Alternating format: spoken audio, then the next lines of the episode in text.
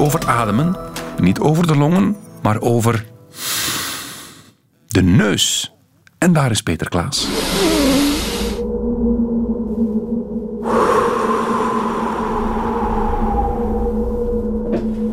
Weet ik veel.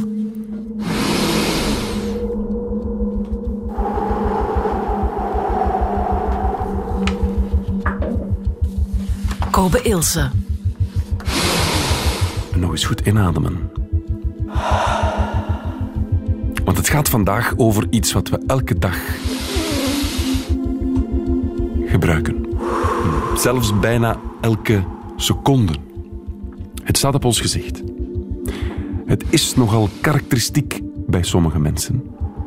En je kan er blijkbaar veel meer uit afleiden dan je op het eerste zicht zou denken. En weet ik veel, gaat het vandaag over onze neus. En die gebruik je niet alleen om te ademen. Dat kan ik u al vertellen.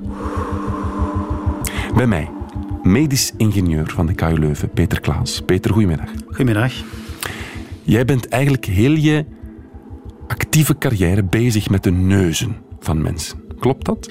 Dat klopt, ja, als uh, onderdeel van mijn onderzoek op het uh, gezicht vooral. Ook. Ja, want een neus is meer dan ademhalen alleen.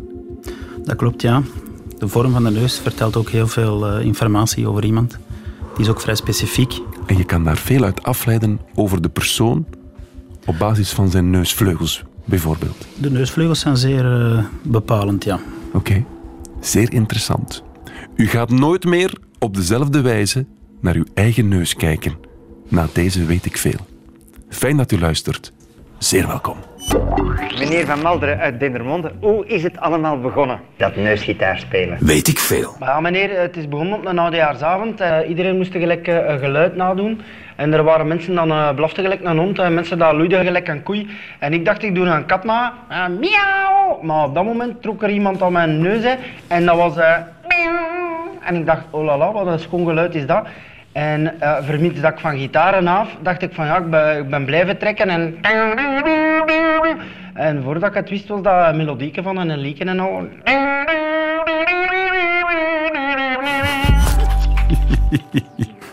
Neusgitaar spelen. Het gaat vandaag dus, weet ik veel, over onze neus. Maar, Peter Klaas, medisch ingenieur bij ons, dat hoort u goed, een ingenieur en geen bioloog. Peter, dat moet je eens verklaren hoe een burgerlijk ingenieur, want dat ben jij van opleiding. Ja, dat klopt. Hoe jij dan uiteindelijk bij een neus terechtkomt, wat eigenlijk iets biologisch is. Ja, inderdaad. Uh, als ingenieur heb ik mij gespecialiseerd in uh, medische beeldvorming en analyse. Ja. En zeer specifiek het menselijk gezicht. Oké. En daar maakt het neus natuurlijk een uh, groot onderdeel van ja, uit. Als ik naar jouw gezicht kijk, dan zie ik jouw ogen maar als ik eerlijk ben, we hebben elkaar nu een kwartier voor de uitzending voor de eerste keer ontmoet. Ik heb niet onmiddellijk naar jouw neus gekeken. En toch zeg jij dat de neus zeer belangrijk is in een gezichtsherkenning. Ja, ik ben eigenlijk blij dat je dat zegt, want dat wil zeggen dat mijn neus toch zeer harmonieus uh, past in de rest van mijn gelaat. Ja, voor de luisteraars, ik ga je me even omschrijven. Mag ik eens een profiel zien? Het is, ja, een, als ik dat mag zeggen, een standaard neus. Je hebt ook geen knobbel op de... Is dat de, de rug? De bovenkant, heet dat de rug? Ja, dat is de rug. Dat is de rug. Je hebt een mooie rechte rug en je neusgaten zijn, ga eens, ga eens achterover. Hé, hey, je linkerneusgat is een pak groter dan je rechter. Ja, dus desondanks dat de neus wel symmetrisch is, hebben we ook wel veel asymmetrie in onze neus. Toch? Ja. En dat kan je onderzoeken, die vorm van de neus? Ja, dat klopt. Dat is een onderdeel van mijn, uh, van mijn onderzoek. Waarom is dat nuttig? Oh, dat zijn verschillende insteken. Uh, medisch gezien is het interessant om de neus te analyseren. Uh, bij rhinoplastie bijvoorbeeld. Mensen die wensen hun neus te corrigeren. Ja. Michael Jackson is daar een, uh, Inderdaad, voorbeeld een, van. Dat is uiteindelijk een schoolboekvoorbeeld. ja. Waarbij het ook echt is misgelopen, spijtig genoeg. Er zijn meerdere ingrepen die plaats hebben gevonden. Mhm. waardoor het uiteindelijk de neus, in alle eerlijkheid, er niet meer zo harmonieus uitzag. Jij als expert als je dan zo'n foto van Michael Jackson na al die opera, bleef daar nog iets over van zijn neus? Of is dat eigenlijk een soort plastieke geval geworden? Ja, het grote probleem is, je, je probeert zoveel mogelijk het materiaal dat je voorhanden hebt van de neus zelf te gebruiken. Ja. Natuurlijk, door meerdere operaties uit te voeren, heb je minder en minder materiaal om iets op te bouwen. dan heb je dus mindere mogelijkheden. En dan heb je eigenlijk die inzakking die je duidelijk ziet bij, bij Michael Jackson. Dus het kraakbeen en de onder, onderliggende bouw van de neus. Wacht, eh, wat, ik, ik hoor je zeggen materiaal. Dan gaan we eens even kijken welk materiaal is dat. Wat is precies onze neus? Is dat wat we zien of zit daar van binnen nog veel meer in? Dus we hebben zeker het uitwendige, dat zeer zichtbaar is en zeer kenmerkend. En onze neusvleugels eh, zijn zeer specifiek van mens tot mens. Eh, onze neustip die kan groot zijn, klein zijn. De neustip, dat is echt de tip van de neus. Ja, dat klopt. Het Bij mij is, is, is- zie je dat? dat, dat Ja, je hebt een kleine dimpel. Dat is een, dat is een genetisch eh, bepaalde eh, binaire aanwezigheid. Allee, hoe moet ik dat zeggen? Een binaire aanwezigheid. Dat Ja, is, dat is iets, zo, ofwel heb je het, ofwel heb je het niet. Dat is, dat is, een, dat is te vergelijken met eh, de oorloben. ah ja, ja, je, Die, of je oorlel, niet aan je eh, gezicht is aan, aangegroeid of niet. Dus dit is dankzij mijn ouders. Dit is een genetisch Ja, bepaald inderdaad. stukje van mijn neus. Eh, eh, Kunnen we over een schoonheidsideaal spreken of over een lelijkheidsideaal bij zo'n eh, ravijn? Dat zal eh, van gezicht tot gezicht afhangen. Oké, dat, is, dat is zeer diplomatisch. Di- Oké, we hebben dus de neusvleugel, de neuspunt. Hoe heet de, de, het, het harde stuk? Wat is dat? Het harde stuk is vooral eh, de rug. En dan bovenaan tussen de ogen, waar het eigenlijk een indimping gebeurt, noemen ze de brug. De brug. dus het eindpunt. Dat is wat we zien. Ja, dat is hetgeen dat we zien uitwendig. En dat is hetgeen dat dan anatomisten ook vaak eh, zo beschrijven. Ja? Nu, inwendig is de, de neus vooral onderbouwd door enerzijds eh, skeletale structuren, dus harde eh, botstructuren. Delen van de schedel al. Ja, dat klopt. Ja? En dan het uiteinde, het meer uitwendige, is door kraakbeen. Dat zeer flexibel is en een totaal andere materie uiteraard. Dan, En om dan even terug te gaan naar Michael Jackson. Dat kraakbeen was dan bij hem volledig Ja. verdwenen. Dus vooral het kraakbeen met het welk dat men eh, te werk gaat. Het hermodelleren van dit kraakbeen, een stukje bijduwen eh, eventueel. Mhm. Ehm, en als je te veel het kraakbeen bewerkt, heb je op de, ja, na de, zoveel operaties niet echt veel meer mogelijkheden of vrijheid. Is het logisch dat mensen aan hun neus willen laten werken? Dat is eh, ja, cultureel gebonden, persoonlijk gebonden. Ehm, vaak is iemand niet content van zijn neus als er te veel aandacht... dikwijls, hè? Dat, Ja. dat ook mensen heel onzeker zijn over die neus. Ze vinden hem of te groot, of er Ja. zit een knoppeltje in. Zeer bizar, want ik zei het daarnet, ik heb je leren kennen. En de neus is toch niet iets waar je onmiddellijk naar kijkt, hè? of wel? Nee, inderdaad. En, en vooral voor als, als de neus begint op te vallen, dat is wanneer de mensen eigenlijk eh, ja, hun neus niet mooi vinden. Een mooie neus is eigenlijk een neus die niet opvalt, die de aandacht niet trekt. Ah, ja, ja, ja. Dus een neus heeft eigenlijk weinig reden om te, om te shinen, of hoe moet je dat Ja. zeggen? Het is pas als hij lelijk is dat hij opvalt. Ja, zo kan je het zeggen. Of Ja. omgekeerd, hè. als hij opvalt, wordt hij als lelijk eh Ja, aanzien. ja, op die manier, op die manier. Dus het is veel meer dan enkel een adem in en adem uit orgaan. Ja, het is een stuk van ons, eh, van ons uiterlijk. En zeker het menselijk gelaat gebruiken we continu in communicatie met elkaar. hè. We kijken continu naar elkaars gezicht. We interpreteren elkaar eh, continu. En de neus speelt daar ook een, een rol bij. Uiteraard, we hebben direct, eh, we spreken wel, eh, vooroordelen mogen niet bestaan, maar als we iemand voor de eerste keer zien, hebben we direct wel ergens een idee van ja, met welke persoon we te maken hebben, door enkel en alleen te kijken naar het gezicht. En, en de neus is daar natuurlijk het middelpunt van. Dus om het even kort door de bocht te zeggen, als ik iemand tegenkom en zijn neusvleugels staan mij niet aan, dan heb ik daar al een andere mening over. Dat kan, ja. Kijk naar de neus van Albert. Die is al helemaal beklad met modder. Ja, een grote brok modder erop. Weet ik veel. Voilà, het gaat, weet ik veel, over de neus vandaag met Peter Klaassen, medisch ingenieur van de KU Leuven. Ik hoor denken, de neus, ja, dan gaat dat de hele tijd gaan over in- en uitademen. Wel, nee. Want we hebben al geleerd dat de neus heel veel bepaalt van uw gezicht. Ja, de, Ilsen, dat weet ik ook. Maar het is echt opvallend. Peter Klaas, de functie van een neus is bij elke mens hetzelfde. klopt, Ruiken en ademhalen, denk ik. Ja, Dat is, dat is wat, waar hij voor dient. En toch, als je naar de wereldbevolking kijkt, er zijn 7 miljard verschillende neuzen. ja. Qua vorm. Hoe, hoe kan dat? Ja, de vorm van de neus wordt eh, bepaald door verschillende factoren. En die is eigenlijk gevormd, evolutionair gezien, door in de eeuwen heen. Eh, bijvoorbeeld mannen en vrouwen. We hebben verschillende neuzen. Heeft een man een grotere neus dan een vrouw? Een man heeft in het algemeen eh, een groter gezicht, grotere neus inderdaad. Dus de, dezelfde vormen komen voor, maar de, de, gro- de grootte is, kan verschillen. En gemiddeld gezien is de neus van de man groter Ja. dan die van de vrouw. De man heeft ook een rechtere neus en de vrouw heeft gemiddeld gezien meer een opspringende uh, het neus. wipneusje. we wipneusje. Dat is niet mannelijk. Nee, dat klopt. Nochtans, Michael Jackson, om weer terug naar Ja. de bekende neus te gaan, die wou per se een smalle vrouwelijke wipneus. Hè? Ja, daar komt het wel op neer. Ja. Dat is- Ja. Nu, ehm, zwarten hebben een heel andere neus dan Aziaten. En die hebben een heel andere neus dan blanken. Ja, in, eh, het is zo eigenlijk in Europa zijn onze faciale eh, kenmerken, onder andere de neus, veel scherper.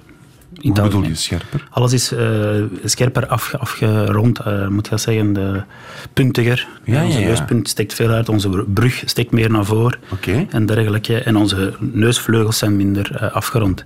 Terwijl in Afrika is de neusrug meer ingeduwd en zijn de neusgaten bijvoorbeeld groter en, en wijder. Nu, dat is ook weer eh, evolutionair te verklaren. Onder andere een studie die we zelf hebben uitgevoerd. Is als we gaan kijken naar eh, het lokale klimaat waarin mensen leven en eh, werken, dan heeft hij een invloed op de performantie van de ademhaling van de neus. En het is dan zo dat in droge klimaten bijvoorbeeld de grotere neusgaten eigenlijk ehm fitter, allee, conditioneler eh, bevoordeeld worden dan kleine neusgaten. En dat heeft gevo- gevolgd, geleid tot eigenlijk in Europa kleine neusgaten, omdat we hier een kouder klimaat hebben, een vochtig klimaat. En in warmere klimaten, zoals Latijns-Amerika en als ook Afrika, eh, grotere neusgaten om eigenlijk de ademhaling daar Nu het zegt, optimaliseren. Zuid-Amerikanen hebben ook dikwijls een iets plattere, maar wel grote neusgaten. Hè? En, en waarom is dat dan? Waarom is een, is een warmer klimaat, zorgt dat voor grotere neusgaten? Dus die grotere neusgaten die geven eigenlijk eh, een grotere capaciteit om luchtopname te doen. Dus als je nu intense sportief eh, moet zijn bijvoorbeeld, is dat een voordeel. Ja? Je bent eigenlijk bevoordeeld. Eh, dat is gelijk een goede turbo in een auto steken. Ja, ja, ja, ja. Eh, die is ook sneller weg. Dus je kan, als ik nu ademhaal, en iemand met grotere neusgaten zou exact hetzelfde doen qua tijd, die zou meer lucht Die heeft binnenkrijgen. een, ja, voilà, die heeft een grotere luchtinname. En dus een voordeel op sportvlak ook. Ja, Dus Inderdaad. kunnen we zeggen, mensen met grotere neusgaten zijn dan per definitie ook sportiever of hebben een groter talent tot sportieve prestaties? daar zit een betere turbo in. Ja. Ah, ja, ja, ja. Nu, in contrast in Europa is het klimaat koud. hè. Je wilt zo weinig mogelijk warmte verliezen en je wilt eigenlijk die opname van die lucht beperken, omdat je neus, die, die lucht die binnenkomt, moet kunnen opwarmen. Als je neusgaten dan te groot zijn, dan heb je eigenlijk te weinig de tijd om die inkomende lucht op te warmen. En vandaar dat daar eigenlijk het omgekeerde verhaal eh, te werk is. Dus de neus is ook een soort chauffage. Verwarmt Ja. onze lucht. Inderdaad, inderdaad. En dus als je warme lucht inademt, moet je minder opwarmen, dus kunnen inderdaad de gaten groter worden. Ja. De neus filtert ook lucht, dacht ik. Hè? Ja, dat klopt. eh, Dus vooral eh, bacteriële filtering eh, en dergelijke. Dat zijn die haartjes, dat zorgt voor de. Dat Ja. is echt een filter.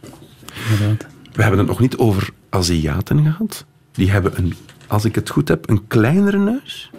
Of is dat niet per definitie zo? Eh, die kleiner zou ik het niet per se eh, definiëren. Het is eigenlijk ja, een, een andere vorm. Ja. Ehm, in, in, in plaats van echt een, een, een grotere of kleinere. Eh, zijn ook weer inderdaad specifieker, want daar is niet alleen warm, maar ook vochtig. Eh, Dat- is weer een ander, andere invloed. klimaatscombinatie. Nu, klimaat is één factor, hè, uiteraard. Eh, is niet alles bepalend, maar is wel mee bepalend.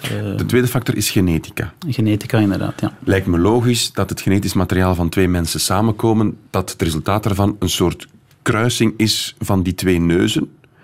Of is bijvoorbeeld een, een mannelijke neus sterker genetisch dan een vrouwelijke neus? Hoe, hoe zit dat precies? Nu, het is niet dat eh, het kind is nooit een gemiddelde van, van de papa en de mama. Dat is, dat is een van de interessante aspecten over genetica. Het is nooit de som van de twee gedeeld door twee. Ja. Ehm, het is altijd een soort van, ja, het is het een of het ander. En dan spreken we over dominante kenmerken en Ja. recessieve kenmerken. Dus dominant is, is, wordt gemakkelijker doorgegeven, zoals bruine ogen. De frequentie van bruine ogen ligt veel hoger dan blauwe ogen, omdat blauw recessief is. Dus Ja, ja. als een van de ouders bruine ogen heeft, heeft het kind quasi altijd ook bruine ogen. En, en trek eens door tot, tot de neus. Zijn er kenmerken van de neus die dominant zijn? De- uw, ja, uw pimpel, in de dimpel eigenlijk, in de, in de neustip. is- Mijn- ravijntje eh, hier. Ja, die is vrij dominant in de overerving. Mhm. Ehm, En dan eh, verder de vorm van de neusvleugels ook. Is wat iemand ja, spitsere neusvleugels heeft of, of niet. Is vrij. Stel, ik maak met mijn, met mijn sneetje hier in mijn neus een kind met iemand dat dat ook heeft. Dan Dan- heeft per definitie ons kind ook dat, dat ding? Of, of Dan is de niet? kans heel groot. De- groot. Het, is, het is altijd een kansberekening in genetica. Het is nooit eh, een eenduidige uitkomst. Eh, maar de kans is heel hoog. Ja. Mhm. Zegt de neus ook iets over de persoonlijkheid?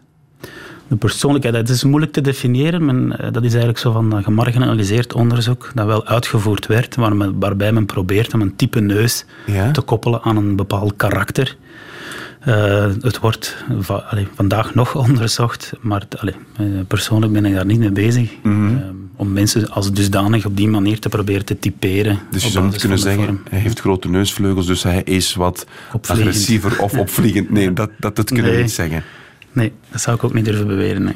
Zo dadelijk. Jouw vakgebied is ook om, als je een druppel bloed vindt op een plaats waar een moord gebeurd is, dat je met die druppel een neus kan reconstrueren. Ja, Dat is voor zo dadelijk, want het is bijzonder fascinerend.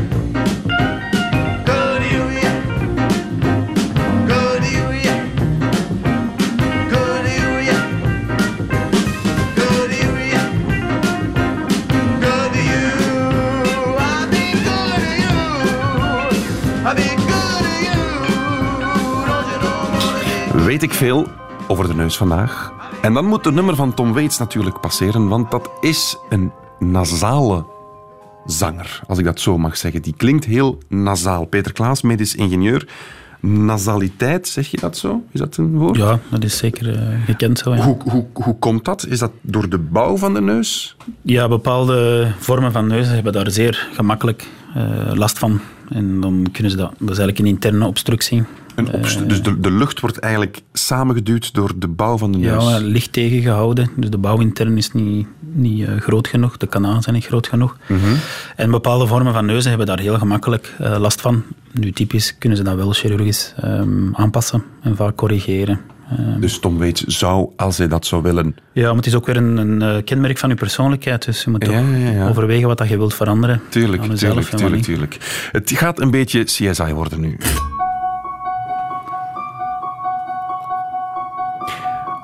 Want Peter Klaas, jij kan op basis van een druppel bloed weten hoe een neus eruit ziet. Of ongeveer. Ja, we hebben een grote schatting eigenlijk maken. Hè. Dus we proberen van de, de, de genetica van iemand bepaalt eh, de vorm van het gelaat, maar ook de vorm van de neus. Ehm, en we zijn eigenlijk de voorbije jaren op zoek gegaan naar eh, de genen, delen in uw DNA eigenlijk, die de vorm van uw neus beïnvloeden, verklaren. Wacht even, hè. DNA, dat is gewoon alle informatie waaruit wij opgebouwd zijn. Ja, dus het DNA is een soort van instructiedozen. eh, die, de ene instructie naar de andere. Hoe dat we eigenlijk opgebouwd worden. Een soort van eh, bouwafdruk. En dat zijn miljarden proteïnen, of hoe heet dat? Ja, dat, zijn eigenlijk, dat is, eh, dat is een, een soort van code die Ja? gelezen kan worden. Dat is een chemische code die gelezen wordt door, en zo eigenlijk cellen bouwt. En ons lichaam volledig opbouwt. Hè, gelijk een bouwpakket. Dus welke ogen we hebben, welke ziektes Ja. dat we hebben, ons haar, worden we kaal, worden we niet, dat zit allemaal in dat DNA. Dat zit inderdaad allemaal in je DNA. En natuurlijk heb je de interactie met de omgeving, die dan uiteindelijk bepaalt wie, hoe dat je eruit ziet en wie dat je bent. Ehm, en die omgeving is zeker een belangrijke factor, ook bij de neus. Als ik eh, morgen in een eh, café eh, in een gevecht ge- beland en men, er wordt iemand met mijn neus geslagen, dan Juist. uiteraard is de vorm van mijn neus bepaald door de omgeving en niet door mijn genetica. En verandert jouw DNA niet, omdat jouw neus een, la- een lap heeft gekregen. Voilà, inderdaad. Maar we kunnen dus, als we terug naar onze murder scene gaan, je vindt daar een druppel bloed van de dader. Wat, wat kan je dan precies gaan doen?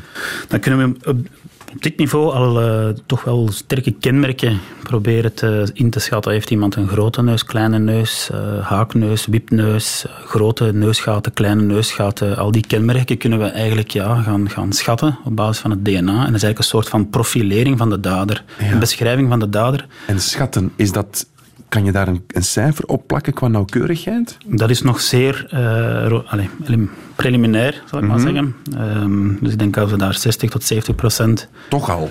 Ja, Dus je kan zeggen, we zijn 70% zeker dat de moordenaar een wipneus heeft. Ja.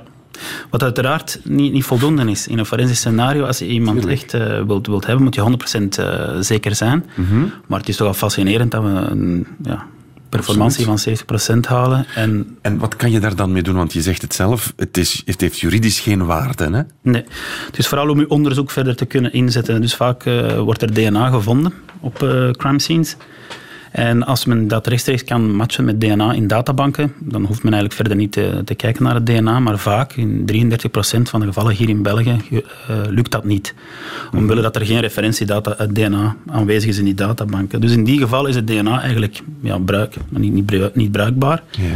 En wat wij eigenlijk proberen is toch iets meer informatie uit dat DNA te halen over de dader of over de persoon die daar aanwezig was. Het is niet per se de dader.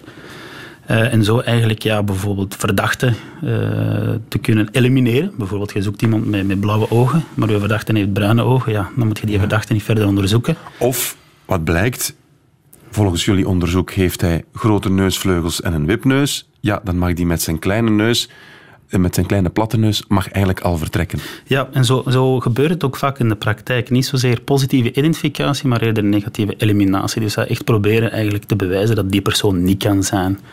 Om zo eigenlijk eh, verkeerde ja, veroordelingen te vermijden.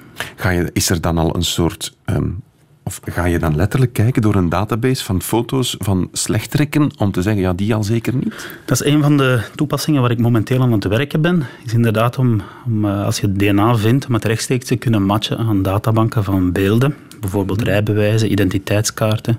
Als ook meer naar Facebook toe, waar eigenlijk heel veel fotomateriaal van mensen aanwezig is. En eigenlijk zo een soort van eh, match te kunnen geven van het DNA met verschillende mogelijke gezichten. En zo een idee vormen van, oké, dit is de persoon die we zoeken. Niet zozeer één iemand, maar bijvoorbeeld duizend gezichten die toch iets of wat gelijkaardig zijn. Eh, en zo eigenlijk ja, een soort van DNA-beschrijving van het gezicht in plaats van een ooggetuige. De robotfoto 2.0 eigenlijk, Ja, hè? inderdaad. Want als je het met de neus kan doen, dan kan je waarschijnlijk ook hetzelfde doen met de ogen, de mond, Ja, de ja. oren. Ja. Maar momenteel zien we dat we vooral met de neus het meeste succes boeken. Dus dat we de neus het beste kunnen inschatten. En dat heeft ook een reden, omdat de neus nogal vrij stabiel is doorheen de levensjaren. Hè. Men, men, uw gezicht verandert nogal sterk als men veroudert. Eh, maar ook eh, onder eh, diëten. Ik, ik eet eh, hogere BMI, mijn gezicht verandert, behalve de neus. Dat is heel frappant. Is het waar? eh, ja. Dus uw neus gaat niet verdikken of vermageren. Nee, de neus is, is een van de stabiele... Ja, een van, er zit niet veel vetweefsel onder, zou ik maar zeggen. Dat is vooral kraakbeen en, en bot. Ja? Eh, dus ja, dat gaat niet verdikken. En het is eigenlijk zo dat eigenlijk als iemand echt heel extreem verdikt, dat uw neus precies wordt ingeduwd. Ja, ja, ja, tuurlijk. Omdat die, omdat die zelf niet, niet eh, allee, uitzet. Het is een vraag volledig in de marge, misschien weet je het niet hoor, maar is, is de neus, er wordt dan gezegd dat dat het enige orgaan is samen met de oren, dat blijft groeien. Ja, Klopt dat, dat? dat is inderdaad wel eens met dat kraakbeen te maken, maar ik denk ook in mijn eigen onderzoek ben ik eh, bezig met veroudering te analyseren, want er is een zeer groot interesse naar is. En ik merk ook wel dat het een soort van perceptie-effect is door, omwille van het feit dat uw gebit, eh, de- dus de tanden, onder, wegvallen. Ja. En dat u eigenlijk uw filtrum, dus het deel onder uw neus, naar achter valt, waardoor dat de, de neus perceptueel groter lijkt. Dus het is een samenspel van een aantal zaken. Ja, ja, ja, ja, ja. Nu, ehm, is de neus, of wordt de neus ooit even ehm, belangrijk dan vingerafdrukken in een onderzoek? Denk je dat onderzoek wat je nu aan het doen bent, die, die, die neusreconstructie op basis van DNA, gaat dat op een bepaald moment 100% zeker zijn van ja, dat is uw neus, meneer, dat we daar hebben gevonden? Ja. Of nog, of niet, denk je? Nee, dezelfde zekerheid als vingerafdrukken ga je nooit, nooit bekomen. De meest zekere bron van informatie is je DNA zelf. Met je DNA zelf kan je perfect iemand identificeren. Ja. Ehm, vingerafdrukken zijn zeer eh, uniek. Eh, maar de neus, bijvoorbeeld, hè, ik heb dezelfde neus als mijn vader eh, en dergelijke. Dus daar gaat altijd twijfel onder eh, bij, blijven. Nu ook bij vingerafdrukken is er een, een zeer goed acquisitieprotocol van hoe dat die opgenomen worden en gestockeerd worden in databanken, welke feature dat daarop, welke kenmerken dat eruit gehaald worden om iemand zijn identiteit te, be- te bepalen. De neus ja, wordt dan gefotografeerd in een foto. Welke foto dat je hebt, dat is vaak eh, random, van dichtbij, van veraf. Je- je krijgt frontaal of lateraal. Ja, ja, Dus die neusvorm verandert continu eh, in al die beelden. Eh, dus het is veel moeilijker om een neus te vergelijken met een andere neus in een ander beeld. Ja. Is er van alle 7 miljard mensen op deze wereld, zijn er twee neuzen identiek hetzelfde? Ehm, de kans is heel hoog bij identieke tweelingen, ja. Als zij, als zij in dezelfde omgeving en dezelfde gevechten in, in cafés hebben meegemaakt, dan zullen zij quasi de, dezelfde neus hebben. Maar omgeving, dat is dan ook niet een, een voetbal die op, eh, op, op, op je neus komt. De omgeving is meer als inderdaad gewoon de fysieke contacten met Ja. de neus, maar ook bijvoorbeeld de voeding die je krijgt als kind is zeer bepalend Voor de neus. voor, voor uw ganse ontwikkeling. Dus we, we nemen die identieke tweeling. De ene groeit op in Europa, de andere sturen we naar Afrika. Ja. Die hebben genetisch dezelfde code qua neus, Ja. maar die gaan toch na verloop van tijd een andere neus krijgen. Die gaan verschillen vertonen, ja, dat klopt. Onwaarschijnlijk. De neus. Het macabere vak van Harry Jongen. Ik doe geen uitspraak over hoe de stoffelijke resten eh, erbij lagen. Maar ik kan u wel vertellen dat de stoffelijke resten gemakkelijk zouden moeten te identificeren zijn. Eh, u bent hier klaar in Jumenu. Eh, de komende dagen gaat u nu systematisch elk huis dat met Dutroux in verband gebracht kan worden op dezelfde manier afvragen? Ik kan daar nog niks over zeggen. Ja, die neus, hè, dat is toch wel een zeer bijzonder orgaan, hebben we vandaag al geleerd. We ruiken ermee, dat weten we allemaal. Maar we leren van Peter Klaas, een medisch ingenieur, dat de neus ook voor identificatie kan dienen. Dat het veel zegt over onze genetica, over onze afkomst, waar we geweest zijn, waar we naartoe gaan. Nee, dat nog niet natuurlijk. Hè. Maar hebben we vochtige lucht ingeademd, droge lucht, warme, koude. Dat kunnen we allemaal zien aan onze neus. We hebben trouwens ook een neuzentest op de Radio 1-site staan. Peter, je hebt die ook gedaan. Wat is de opdracht precies? Ja, om eh, gegeven de neus van een persoon... Mhm. Een close-up? Ja, je hebt dan drie mogelijkheden om de persoon eigenlijk te identificeren. Dus exact hetgeen dat we vandaag eigenlijk besproken hebben. En dat klinkt heel simpel. Maar klinkt- dat is het niet. Nee, ik heb hem zelf ook gedaan, voordat ik naar hier kwam. Mhm. Ik vond het wel eens plezant om te doen. Ik vond het zeker niet gemakkelijk, maar ik heb wel een goede score gehaald. Ik heb eh, één, één gemist, geloof ik. 9 op 10. Ja, ja. Kan je een tip geven voor de mensen die aan de test beginnen? ja ik heb eh, eigenlijk eh, voor mezelf ook mezelf geobserveerd van de manier hoe ik die oploste. En ik heb eigenlijk gemerkt dat ik heel veel van de rest rond de neus, dat toch zichtbaar is, mee in rekening gebracht. Ja. Bijvoorbeeld op een zeker moment is daar iemand die een glimlach vertoont. kwijt. Ah, Nog niet alles prijsgeven, hè, Peter? De mensen moeten het eerst doen. Maar de, de, de tip is dus, kijk niet alleen naar de neus. Ja, maar Terwijl we wel vandaag aan het leren zijn dat die neus veel zegt over het gezicht. Je spreekt jezelf tegen, Klaas. Ja, dat klopt. in Gent. In het centrum van de stad staan op enkele meters van elkaar twee kraampjes waar neuzekes of cuberdons worden verkocht. Dat zorgt voor nogal wat rivaliteit tussen de verkopers. Gisteren gingen ze bijna op de vuist. Onze neuzen zijn iets groter, die zijn iets krokanter en de smaak blijft iets langer hangen. Een neus is op zijn best als het lekker smeurig is. En zeker niet als het krokant is. Want als het krokant is, dan zijn ze eigenlijk al over tijd, dan zijn ze eigenlijk al uitversuikerd. Weet ik veel. Hoho, de grote neuzenkusoorlog in Gent. Ja, die neus, wat een prachtig orgaan is dat, zeg. Peter Klaas, medisch ingenieur van de KU Leuven bij mij. We hebben al geleerd dat je op basis van DNA, dus een druppel bloed of zelfs een haar of een huidschilfer, denk ik dan, kan je eigenlijk bepalen hoe ongeveer de neus van die persoon eruit ziet. Ja. Kan ik het dan ook omdraaien? Stel, iemand verliest zijn neus door een ongeval of door een ziekte of een... Kunnen jullie dan die neus gaan reconstrueren op basis van DNA? Ja, inderdaad. En dat zijn eh, zaken die we ook doen in de praktijk. Dat Eh, gebeurt? ja, dat doen we bij ons in, in Leuven in samenwerking met de afdeling rhinoplastie. Waarbij inderdaad patiënten binnenkomen, bijvoorbeeld na kanker en amputatie van de neus. Eigenlijk een soort van neusprothese ehm, vragen. En dan gaan we eigenlijk vaak eh, proberen een neus te ontwerpen. En dat doen we dan op basis van ja, neusanalyses dat we gedaan hebben op een grote databank van gezichten met neuzen. Ja. Dat we een soort van mooie neus ontwikkelen. Rechtstreeks het DNA van de patiënt gebruiken, dat doen we nog niet zozeer, omdat dat nog vrij eh, ja, duur is. Maar we, wat dat we wel doen, is eigenlijk het ganse gelaat van die patiënt in, in rekening brengen. En daar eigenlijk een schone neus voor ontwerpen, die niet te veel opvalt.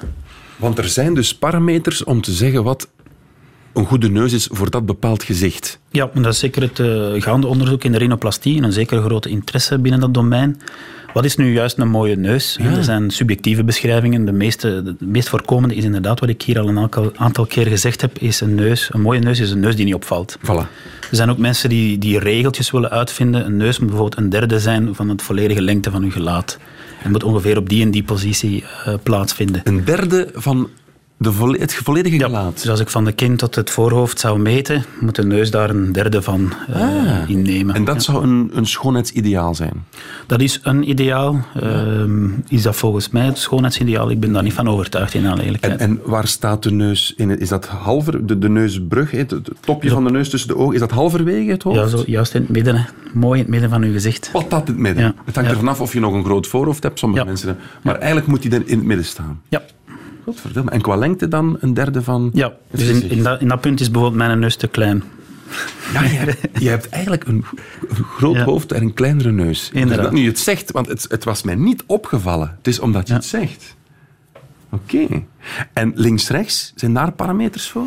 Ja, dus... eh, ja, Liefst in het midden. Ah, hè, een, een, een, waar komen patiënten binnen van ik vind mijn neus eh, te asymmetrisch en dan kunnen wij die eigenlijk eh, symmetriseren. Ja. Virtueel, met beelden. We nemen gewoon beelden van de patiënt en dan op de computer een symmetrisch resultaat maken. En dan kan de patiënt zelf kijken van is dit nu echt hetgeen dat ik wil Maar. of niet. En dan kan de chirurg ook nog andere parameters gaan aanpassen. Dus meer mannelijk, minder mannelijk eh, neus eh, genereren. Als ook de hoek van de neus aanpassen of de, de, de rug minder recht of meer ingebogen. Ja, ja, ja. Een, een dimpel maken zoals de jouwe. Een neus Eh, à la carte is dat dan? Een neus à la carte, inderdaad. En, en dat is dan een prothese, die wordt dan ge-3D-print en wordt dan op, op, op het gezicht geplaatst? Dus bij de patiënten die inderdaad hun ganse neus verloren hebben, je spreekt men van een prothese. Die we kunnen tegenwoordig in 3D afdrukken.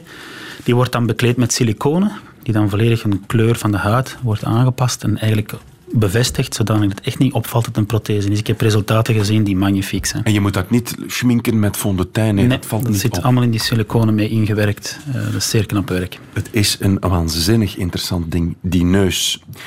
Het einde nadert, Peter. Jammer, want hier kunnen we nog uren over doorpraten. Maar dat wil zeggen dat het tijd is voor dit. Weet ik veel. De quiz. Heb ik het afgelopen uur goed geluisterd naar jou, beste Peter? Vraag 1. Waarom hebben Afrikanen en Zuid-Amerikanen grotere neusgaten? Omdat de lucht in het klimaat daar warmer is, dus moet die minder opgewarmd worden. Dus mag de, mag de, het neusgat groter zijn. Ja. Yes. Vraag 2. Hoe heet het bovenste gedeelte van de neus? Heb je dan over het voorste of het bovenste? Tussen de bovenste. ogen? Het bovenste. Eh, oh, je hebt het net nog gezegd. Dat is de, niet, niet de brug, de rug. Nee, de, de brug. De brug, dat is correct, ja. Wat is de functie van neusharen? Dat heb ik in de les biologie vroeger geleerd. Hè? Ja. Dat is het bacterieel filteren. Heb je dat niet gezegd? Of filteren Ja, ja. gewoon? Het filteren. Filteren, hè? Hoofdzakelijk van bacteriën. Ja. Fuck. Oh, wat zeg ik? Op Radio 1. Mia. 3 op 3. Welk, welk stuk van de neus gebruiken we bij reconstructie? Identificatie. Ah, bij identificatie. Eh, de vleugels? Mm, Wat nog? Eh, de rug? Mm, Nee, sorry. Ja. Laatste vraag nog. En wat is de ideale verhouding van een neus ten opzichte van het gezicht? Dat is leuk. Het, eh, een derde van het, eh, de lengte van het gezicht. Ja, inderdaad. Super. Peter Klaas, ongelooflijk dank voor het zeer interessant uur over de neus. Radio 1. Weet ik veel? Dit is het einde van deze podcast van Weet ik Veel. Weet ik Veel is trouwens een programma van Radio 1. Op radio1.be vindt u nog veel meer.